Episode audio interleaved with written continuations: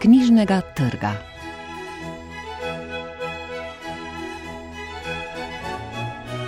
Dobr dan, roman Draga Jančarja ob nastanku sveta, pesniška zbirka Jureta Jakoba, učitelj gluhih, učenec nemih, kratko prozna zbirka Nataše Skušek, Pasja sreča in knjiga o koroškem pisatelju Janku Mestnerju Solidarnost ob meji. Tudi tokrat nas čaka zanimiva oddaja. Recenzije so napisali Ana Geršak, Marko Elsner Grošelj, Miša Gams in Milan Vogel.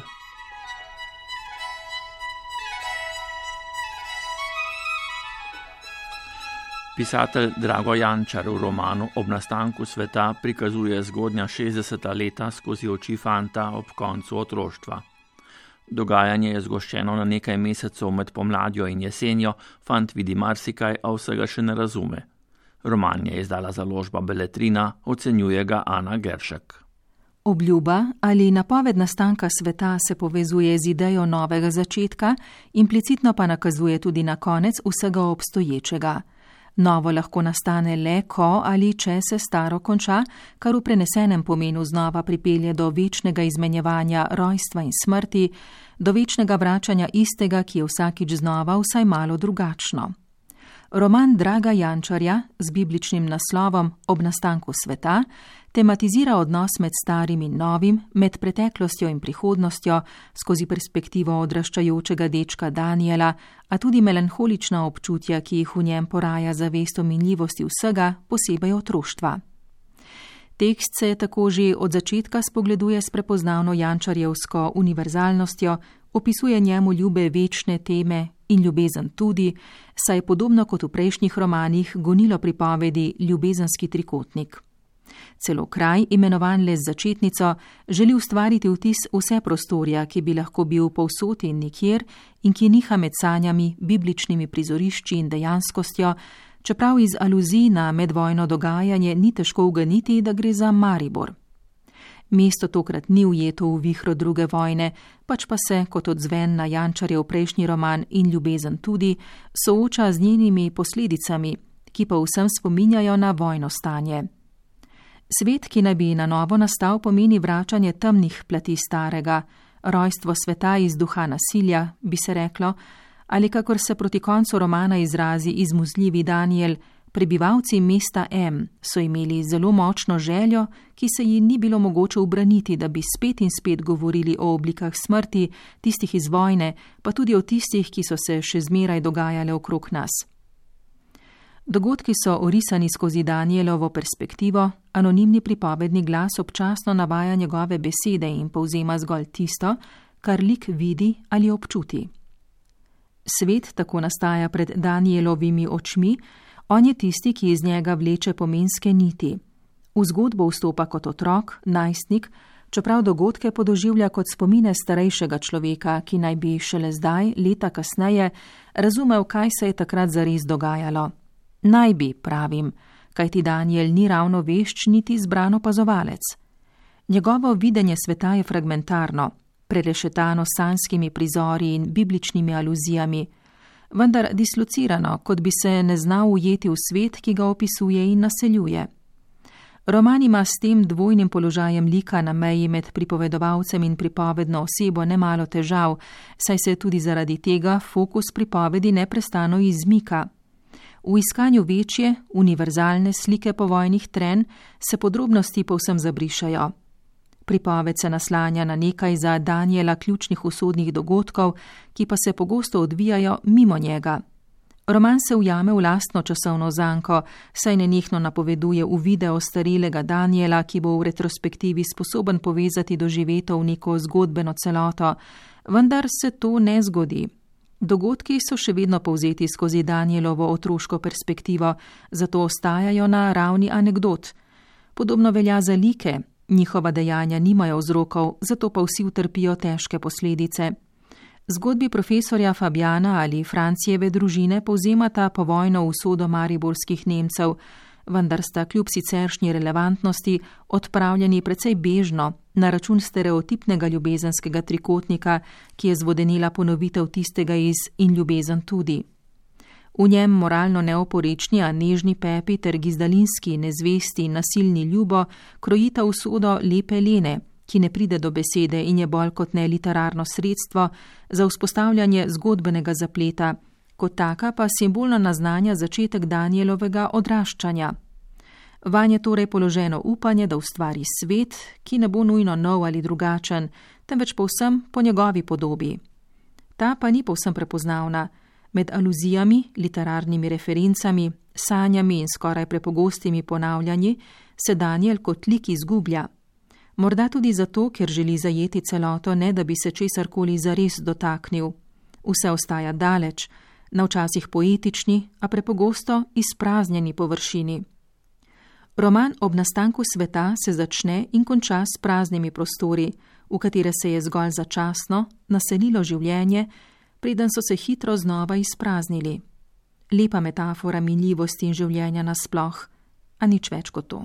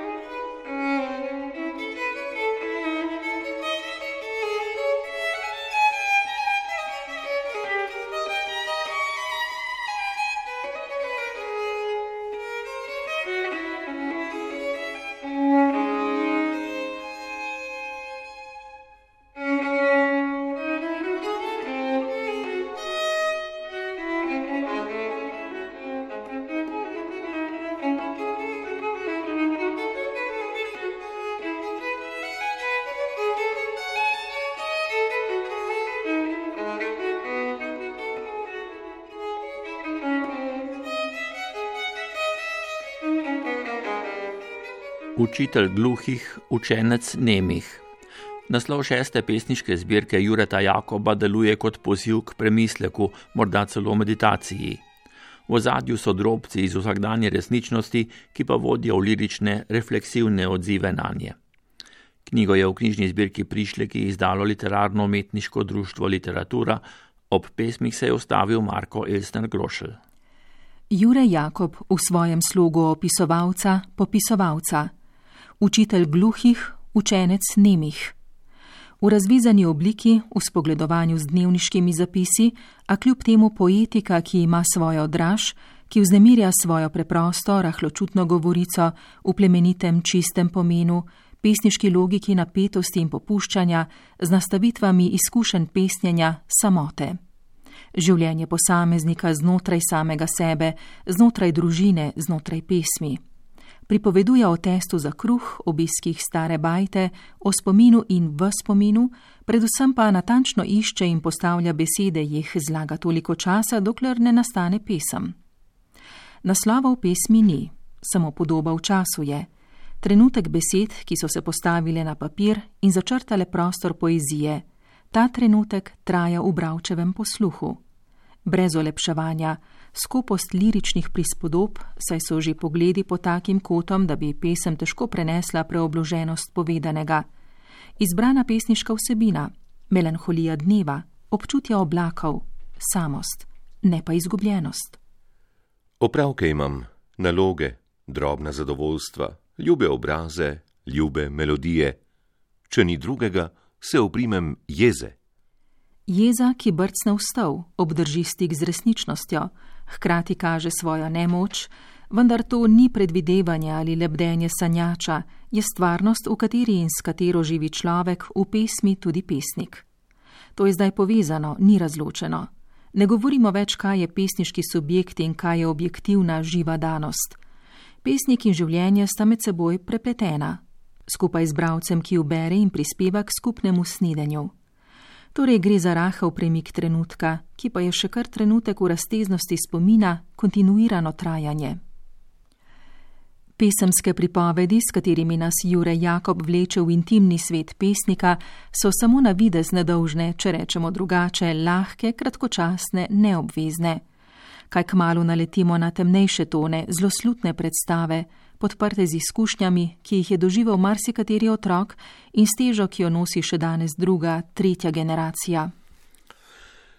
Ko so prišli po Ata, so jih čakali, slutili, vedeli so, da nekaj bo. Družbeni kontekst je podan v opisu skozi oči otroka, pesnikove oči, ki ima tudi sam hčer, ženo in živijo v skromnem bivališču. Tu so razpostavljene odprte rane, bolečina pa tudi jeza. Naj ta poscani svet čez noč zamrzne v rumeno grudo. Melanholija. Pomlad narašča, melanholija tudi. Drevesa v srcu in debeli oblaki. Gost, šoja, klavirske vaje pesnikove hčere, kot prispodoba za vzlet ptice, za osvoboditev, za plezanje po drevesu, razpoznavanje molovskega ali durovskega načina med vejami, vejicami. To seveda ni urbana poezija v smislu fenomena mest, edino odprto okno je k naravi, družini, poeziji. Pesnik Jure Jako pravi, da ima rad umirjeno, predano poezijo. Tu se poveže kot zgledom s Kavafisom, ki uprežen v delo pozabi na vse drugo, da bi obnovil vse obudil življenje, čeprav dokazi slehrni dan govorijo, da je vse za manj. Kljub temu ostajajo zapisane besede, zapisan položaj človeka, pesnika v svetu. Jakobova poezija ni sladkobna, stvarna je in občutena še več je teže v sencah, zamračena, somračna, demonična, saj ta temna sila prihaja iz ozadja, ne da bi jo pričakoval, znenada, med vrsticami, med besedami se poraja kot nekaj prastalnega, neustavljivega, vse porajajočega. Hkrati je bolečina, travma spomina, v katerem režim vzame v last človekovo svobodo, njegovo mišljenje, njegovo občutenje sveta. Kako dolg spomin ima to zlepljeno testo? kako močno se oprijema teme in teže. V vsem tem na vides prostodušnem opisovanju dnevov v življenju pesnika je podoba Ata prizor, ki ne gre iz glave. To so nizkotna, nespremljiva, primitivna dejanja, ki opominjajo vse čase, da se zlo pretihotapi med ljudi v neskončnih preoblikah na tej ali oni strani. Kužnost je neusahljiva. In ta prizor, ta drobna in boleča sekvenca nekega izpostavljenega življenja spodbudi revolt v človeku, upor srca in razuma, kljubovanje zavojevalcem vseh barov. Hkrati pa, kot je mogoče razbrati iz zbirke Učitelj gluhih, učenec nemih, se kaže razsežnejši prostor svobode, usode, če hočete, človeka kot umrljivega bitja, ki mu ostaja bore malo utehe, morda zgolj otresanje samega sebe, čiščenje, nov krst v najčistejši vodi duha, v poeziji, ki je tu, na mizi, v naravi, ki je vsa pred nami, z oblaki, ki potujejo in so vedno drugačne oblike, v drugi svetlobi, osvetljavi. In spet se vračamo na začetek, k človeku samemu, ki smo ga srečali, da bi premislili o njem, ki ga poznamo čez in čez, a se nam vendarle vse skozi odmika in je potem vsaka misel, vsaka pesem nov poskus zaobjeti to krhko bitje v celoti, drobi se, nastajajo koščki pokrajine, delci dežja, sončeve pege. Vendar je pomembna ta pot, ki nima cilja. Pisnik pravi: Vsi se trudimo, poskušamo, nastajamo. Opisuj, ne nehaj. Ko duše rastejo, so žalostne.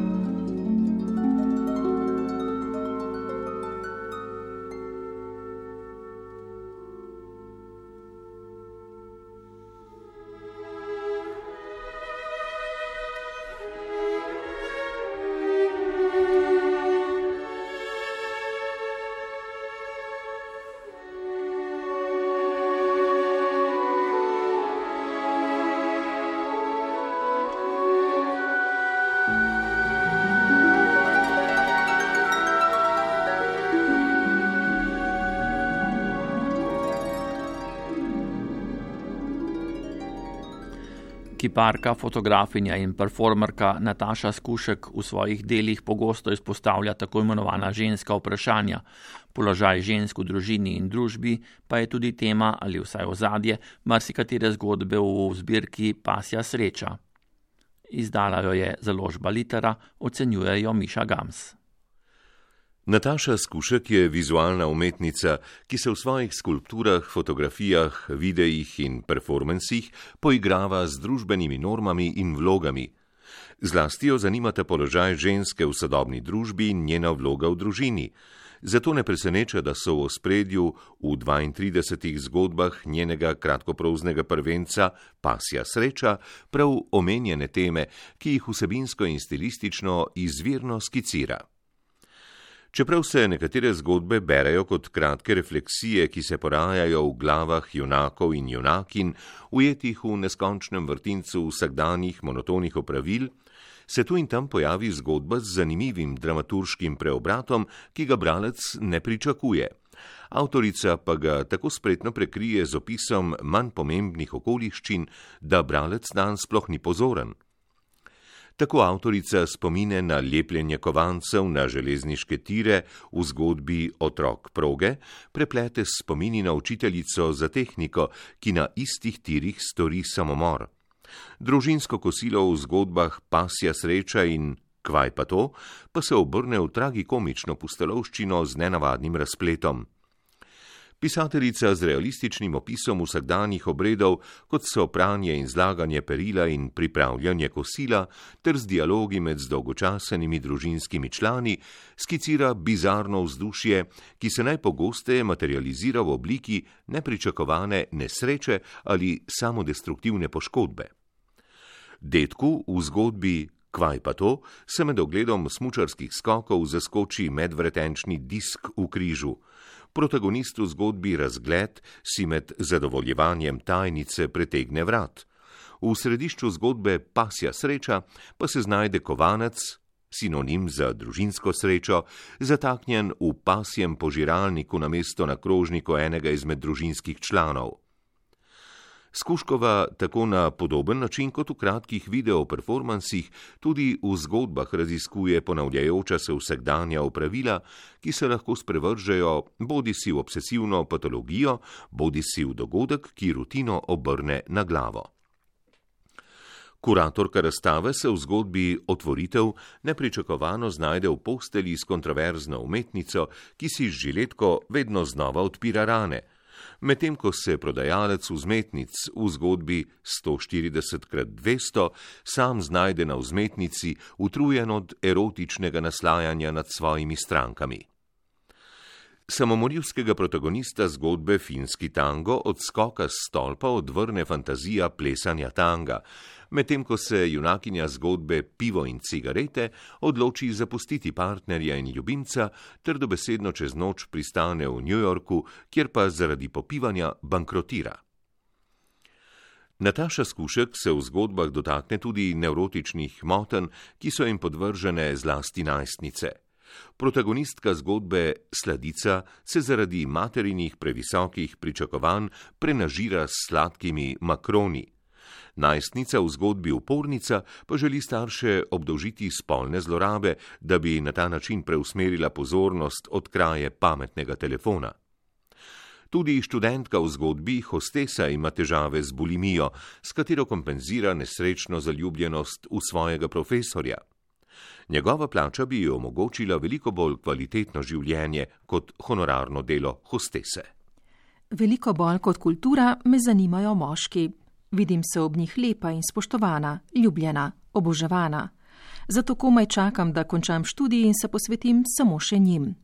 Ne vem, ali mi bo pilde, ki ga bom na koncu dobila, kaj pomagal, bolj računam na pesnika, lahko bi me poročil, ali pa predstavil kakšnemu prijatelju, ki je slaven vsaj toliko kot on, res pozna ogromno pravih ljudi, jaz pa imam že novo idejo, kako ga zapeljati.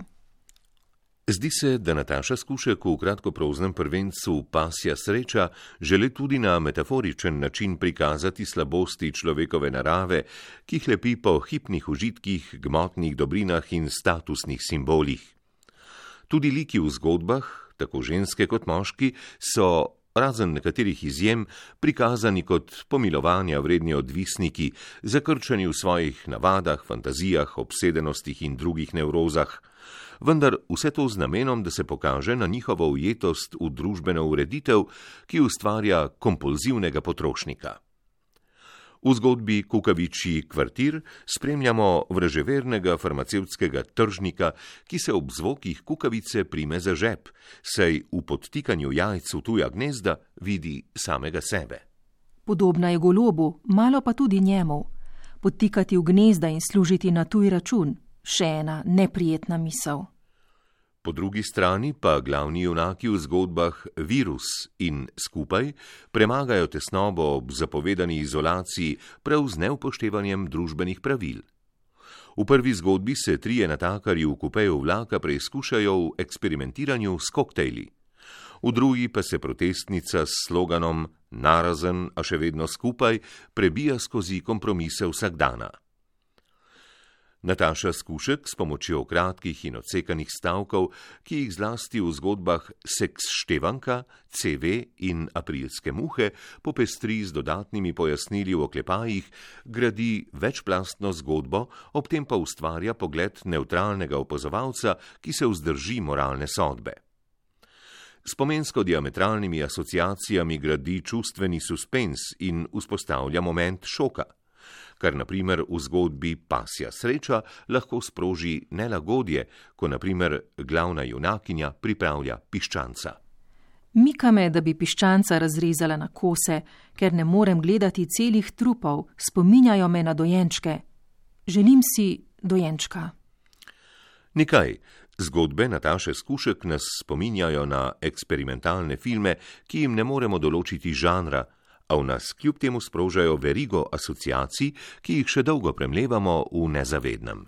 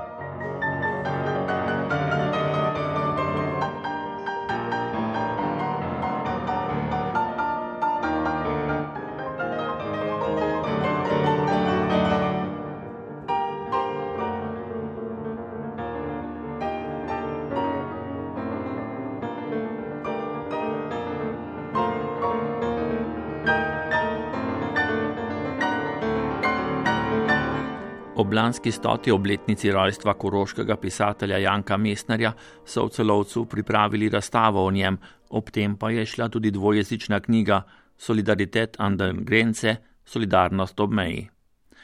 Na njegovo delo se vsak na svoj način ozirajo Elena Mesner, Dana Rauš in Tobias Carfel.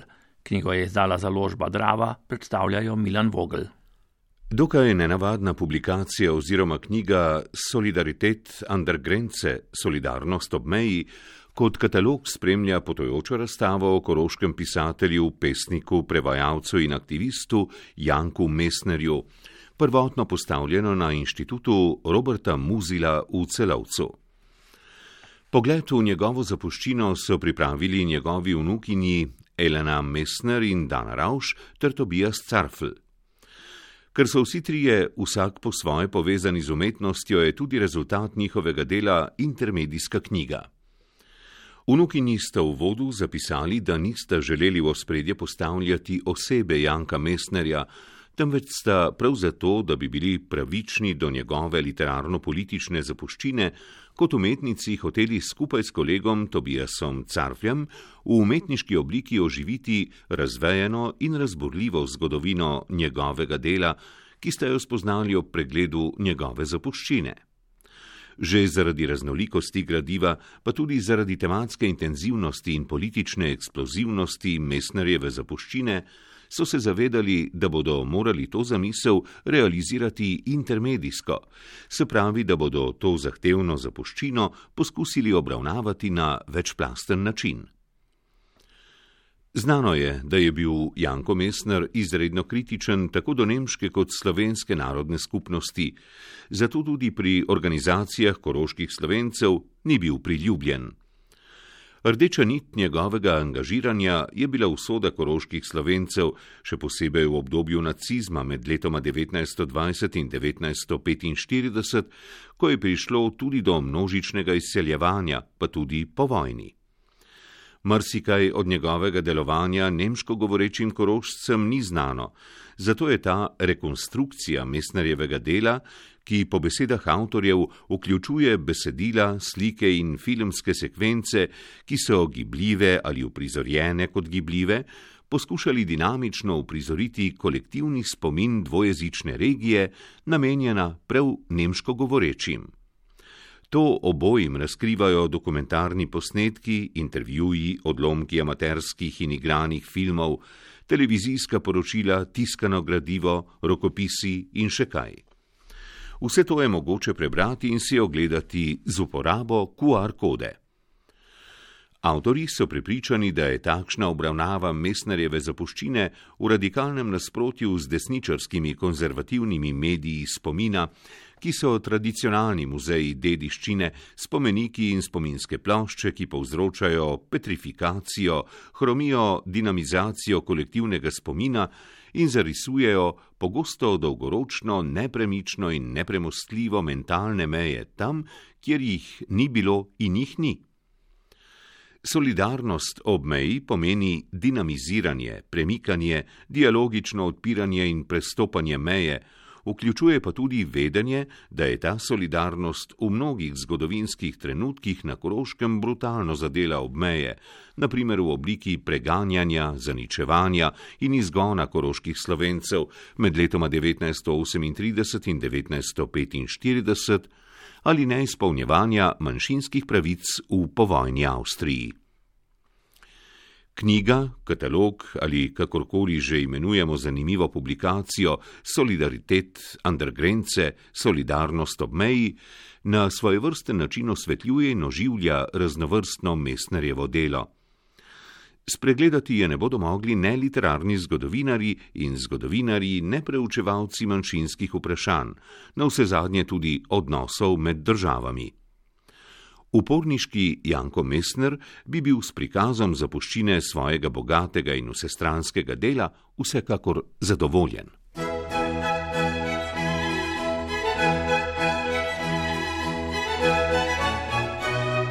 Poslušali ste oddajo z knjižnega trga recenzije Ane Geršak, Marka Elsnerja Grošlja, Miše Gams in Milena Vogla sta prebrala Barbara Zupan in Jure Franko. Glasbo je zbral Marko Šetinc, oddajo je posnel Vojko Kokot, uredil sem jo Vlado Motnikar.